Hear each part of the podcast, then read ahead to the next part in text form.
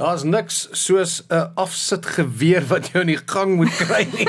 en dis wat Linda doen. Sy staan nie met 'n sweep en sy sê kom kom. Hallo Linda, welkom. Hallo Robin. Ek hou van daai ene, dit is baie goed. Right, so daar's baie om oor te gesels hierdie tyd van die jaar. Niemand gaan op vakansie nie. Niemand ehm um, hou op met werk nie. Almal is gedissiplineerd om deur te druk. Wel, maybe. nee, ek weet dit was die waarheid. Hoe lyk die vakansieseisoen vir ons vir hierdie jaar? Ek weet julle kry baie besprekings, mense ja. wat by die KLCBT kantore aanklop en vra vir 'n verblyf. Ehm um, so vraag nommer 1 sien ons 'n oplewing en vraag nommer 2 watter tipe vra vra mense as hulle daar stop? Wel, aangaande verblyf en toerisme. Ons kry so gemiddeld 2000 mense 'n maand in ons kantoor fisies. Dis nou behalwe die e-posse en die ehm um, telefoonoproepe en ehm um, vraag die meeste kom om vir die wildtuin besprekings te doen of hulle wil nie in die wildtuin bly nie, maar hulle wil naby die wildtuin bly. Ehm um, dan help ons hulle daarmee. Of baie kom om te sê wat kan ek doen? Ek het bly by familie, wat kan ons doen vandag of vir die week? Ja. Ehm um, en of hulle kom daar en sê hoor hierso, ehm um, ons weet nie of hierdie wat se plekke is ordentlik. En dan vir die tyd van die jaar ook baie familie saamtrekte. Ja. Laat hulle wil 'n plekie met 'n venue. En dit sien jy net altyd op op internet en dit. Ja. Dan hulle wil 60 mense op dieselfde plek bly en so aan. Ehm um, en dan kry ons die kerkgroepe wat kom om uh mics te doen en die dames en ook nou het ons matrieks wat um, oh, natuurlik wat die goeie matrieks wat nie na die rages toe gaan nie. Shame, daar's ook goeies ja, voor ek nou aangeval word. maar ehm um, die wat nie in daai tipe ding is nie, ehm um, wat ook kom om bietjie te hikes en uh, hike selfs. Ehm um, die eiland is ek dink is 'n ATKV oord. Ja, ehm ja, um, ja, hulle vry na die matrieks. Ek ja. sien nou 'n advertensieveld tog kom na die eiland, die eiland. Jou ja. eiland matriek vakansie. So ek meen ja. almal lyk my hierdie matriek besigheid het 'n ja. het 'n groot toerisme besigheid geword. By ons het ons dit eers 'n gedagte gegee nie en die yeah. volgende oomblik te sien nou ek's maar hier's 'n klomp matrieks veral van binne Mpumalanga ja. wat nie soveel geld het nie, maar hulle wil nog steeds iets nice doen, klein groepies. Ja. So ja. Sien ons sien ons 'n verandering in die manier hoe mense vakansie hou.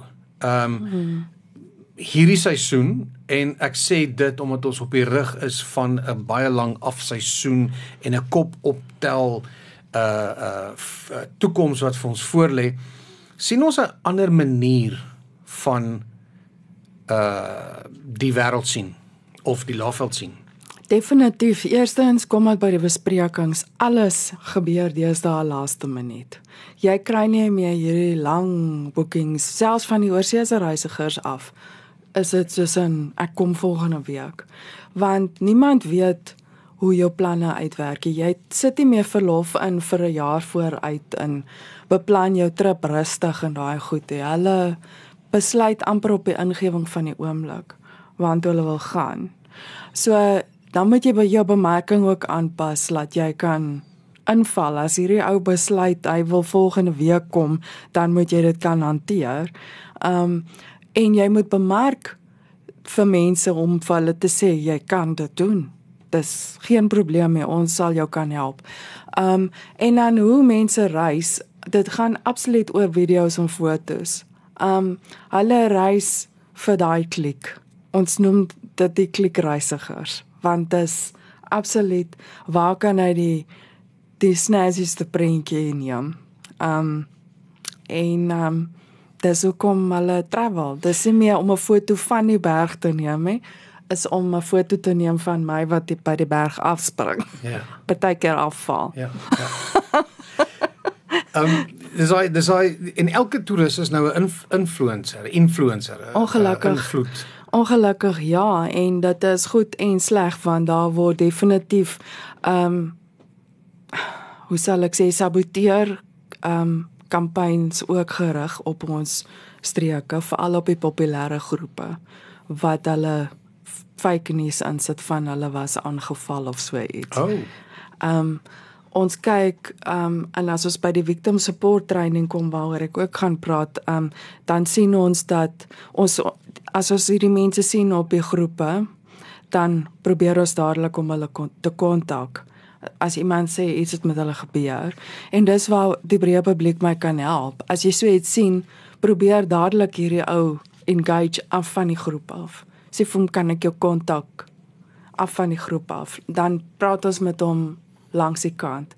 En ons vind dat 8 uit 10 op die stadium is vals. Vals report.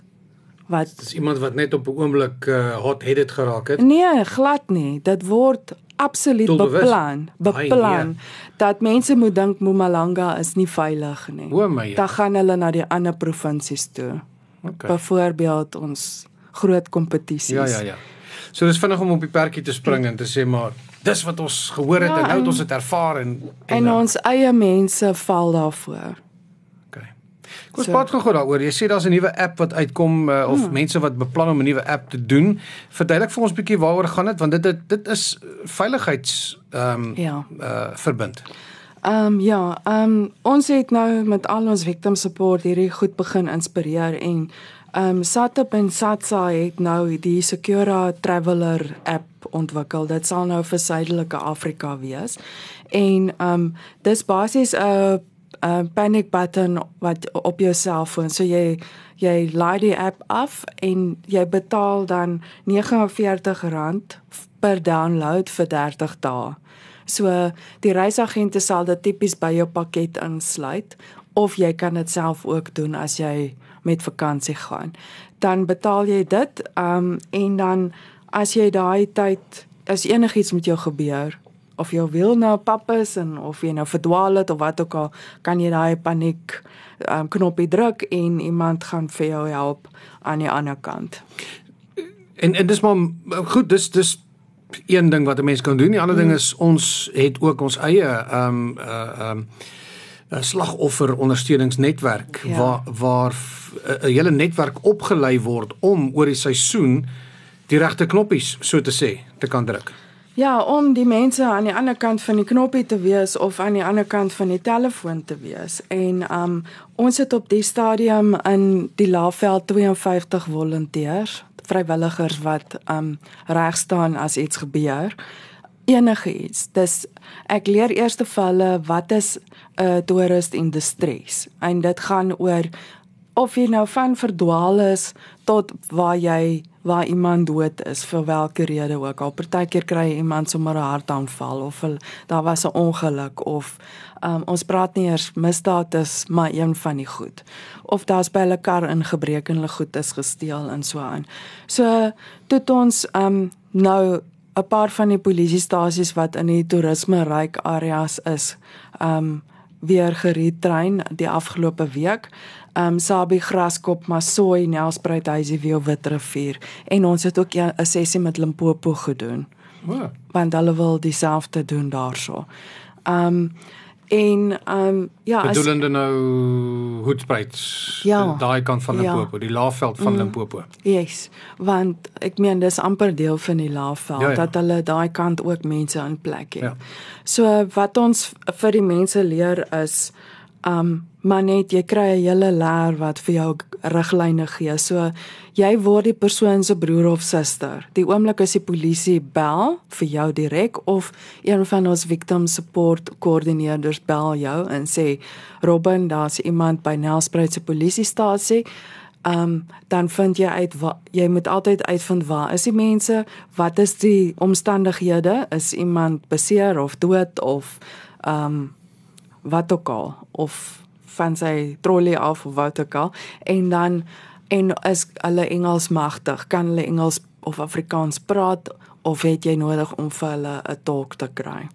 En dan weet jy al hierdie goed voor jy nog aankom daar so jy kan so lank begin reël. En die polisie is opgelei om te wag vir jou voor hulle begin met die mense praat want jy moet seker maak dat al ag komponente wat nodig is is ingesluit in 'n verklaring. Ja. So jy het 'n checklist om deur te gaan. Ja. Um sodat daar nie goed uitgelos word nie want dis maar konstabels Maar nou het ons ook so ver gekom dat dit onmiddellik 'n serieus as dit 'n misdaad is, is dit 'n serieus mis uh, crime. So die stasiebevelvoerder self of die Wispel commander self as hy nie beskikbaar is, hy moet uitkom. Want dit hulle dit word gesien as gelyk aan asof dit 'n minister is. 'n Toerist word geag soos 'n minister. Ja. Want die impak is verrykend. Ja.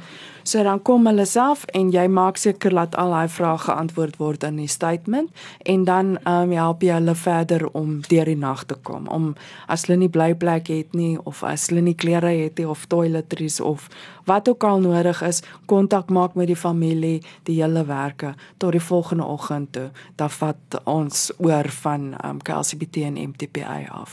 Maar jy bly nog steeds in kontak. Jy's nou sy boetie en sussie. Ehm um, en bly daar vir hulle. Goed om te weet dat daar ook so 'n netwerk is hier in die Laagveld en dit skakel in. Ehm um, het jy enige voorbeelde van van goed wat onlangs gebeur het dalk?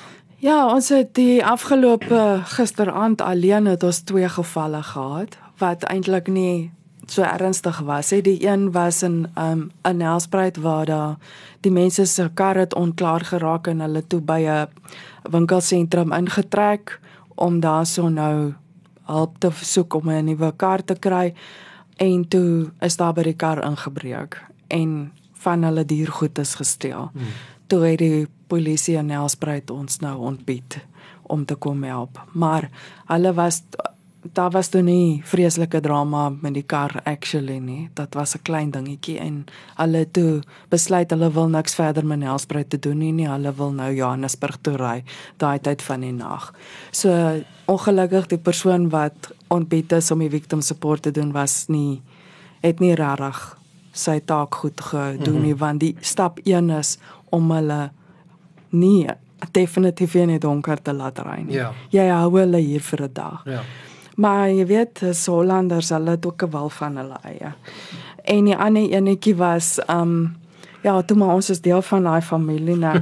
Die ander een was um vier skool matriekmeisies wat um daar was 'n insident by hulle blyplek um waar hulle was um in die Sabie area. En uh, daar's niks fout met die blyplek nie, maar die polisie het gekom om iemand te arresteer of iets wat daar gebly het of gewerk het of iets en hulle het ongemaklik begin voel. En toe het hulle daartoe gegaan en by die winkels gevra of hulle weet van hierdie plek is dit veilig om daar te bly en toe het een van die winkel eienaars die victim support unit gebel en hulle het die meisies gaan haal want hulle wou nie verder by die plek bly nie. So ja, ons sal sien wat ons nou met hulle verder doen. So op daai manier kan jy dan ook vir hulle gerus stel en sê, "Oké, okay, ons is hier, ons kyk na jou." Ja, hulle het um, onmiddellik vir hulle in 'n ander blyplek ingesit goed. en begin kyk want dis jong meisietjies ja. en jy kan nie kanse vat daar nie. Ja. En hulle ouers is ook met vakansie, so jy kan hulle nie huis toe stuur nie. so elke oproep wat jy kry is anderste. My jette, dit is interessante lewe, 'n interessante wêreld uh ja. wat alles hier gebeur. Maar goed, ek is bly dat ons ten minste vir almal kan vertel daar is so 'n netwerk en en en ons moet weet daar's so 'n netwerk. So gaan hmm. na jou naaste, gaan KLCB toe as dit in 'n ja. besigheidsure of kantoorure is, andersins jou naaste polisiestasie en ja. hulle sal jou kan verwys na die regte persoon toe. Ja, hulle sal self ons kontak. Ja. Hulle goed. weet hulle is almal 100% opgelei. Sê gou vir ons terloops, dis Laagveld ervaring ons gesels oor goed wat in die Laagveld gebeur met betrekking tot besigheid en toerisme. Daar was die gasvryheidsbedryf Expo gewees uh die afgelope week. Ehm um, almal bymekaar gekom, dienste met mekaar gedeel, netwerke ges, gesmee ensovoorts. Hoe was dit? Ja, dit was absoluut fantasties. Die ehm um, besoekergetalle was nie so groot soos wat ons in 2019 gehad het nie, want ons het maar gevind die events in die Laagveld het begin minder en minder voete trek. Ja. Ehm um, want dit was net oorweldigend, maar die uitstallers het gesê dit was beter kwaliteit besoekers okay, as die vorige goed. keer. Hulle sê dit maak nie saak dat minder hulle het goeie deals gemaak. En dit was vir my so 'n toonbeeld van 'n netwerkgeleentheid want nie net was dit die besoekers ongeveer 300 besoekers besoekers wat gekom het en maar die 52 uitstallers wat met mekaar um netwerk gedoen het en almal het weggeloop met deals. Um en jou belegging wat jy gemaak het van R1000 vir jou stalletjie en 'n dag daar staan was regtig die moeite werd en ek dink dit het mense geleer om te netwerk. Ek sê altyd jy moet 40 mense 'n week bel. Uit daai 40 moet jy 10 afsprake kry en uit die 10 afsprake het jy twee nuwe kliënte. Ja. As jy dit elke week doen, het jy die einde van die jaar 100 nuwe kliënte. Ek sê dit 3 keer 'n dag oor en oor, maar dit werk. Ja. Hierso het jy sommer 5 52 afsprake op een dag, nie net 10 vir die week hè. So dit was dit het vir mense daai proe gegee van dat so 'n resep definitief werk. Ja. Ehm um, en die mees onwaarskynlike persoon word jou kliënt.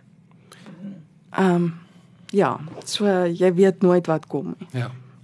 Goed, so daar's nog een op die kaarte vir volgende jaar. Definitief, maar ons gaan hom in die winter hou hierso by ehm um, 1 Julie maand, vroeg Julie maand. Ja. Ja.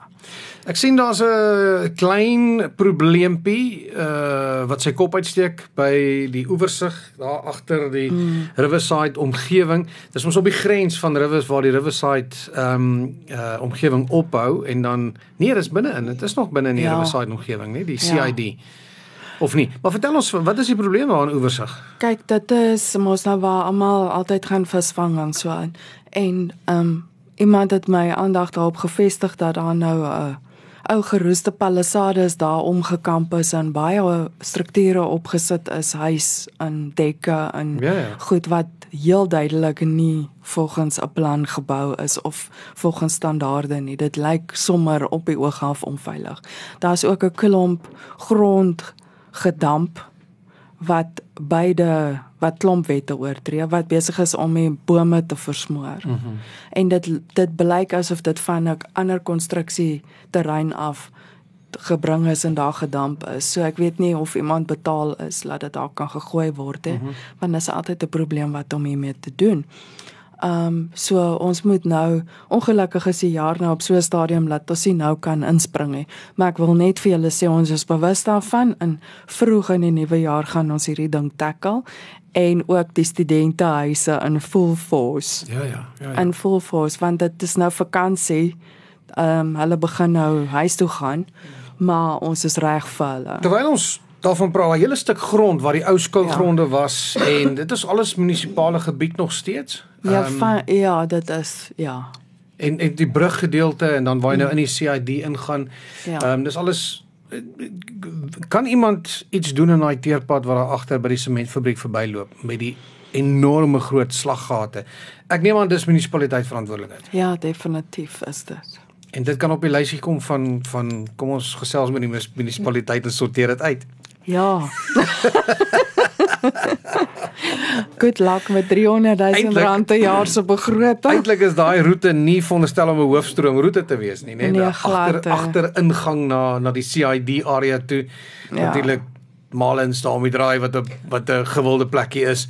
Ehm um, en en natuurlik ehm um, die nuwe besighede wat daar op die R40 gebou word in die Mm. ou bus depo. Ek sien die busse staan nie meer daar nie. Nee, hulle staan nie Hulle meer het ook daar. uh, geskuif. Die grond waar hulle altyd gestaan het, was mos nou verkoop. O, dit deel van die skougronde verkoop. Ja, Ja. ja. want daar's mos nou besighede wat al daar Ontwikkeling, opgerig is.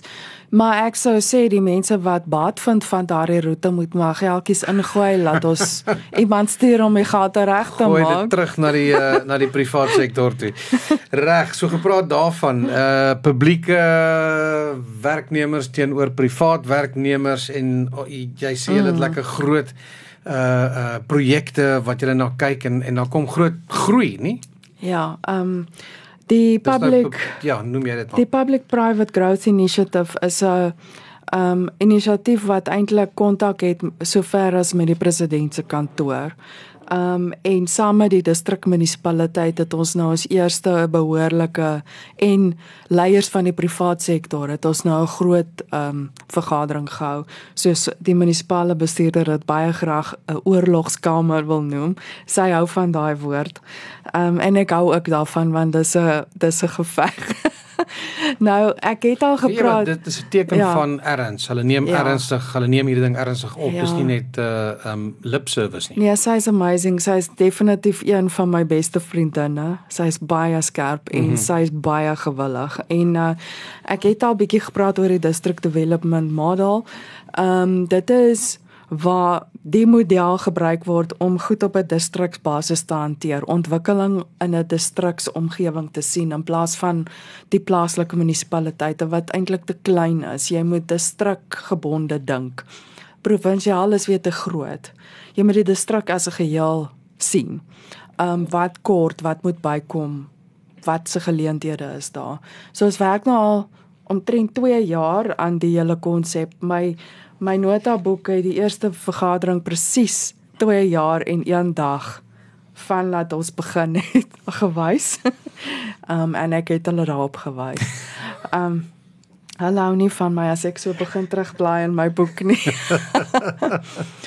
maar in elk geval het ons nou um baie goeie kapteine van industrie daar gehad en ons het toe besluit dat ons gaan vier verskillende ta um werksgroepe stig wat ons as GLCBT gaan sameroep.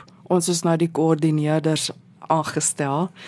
Ehm um, soos oupa Pelani sê dan weet ons dit gaan gedoen word. Ja.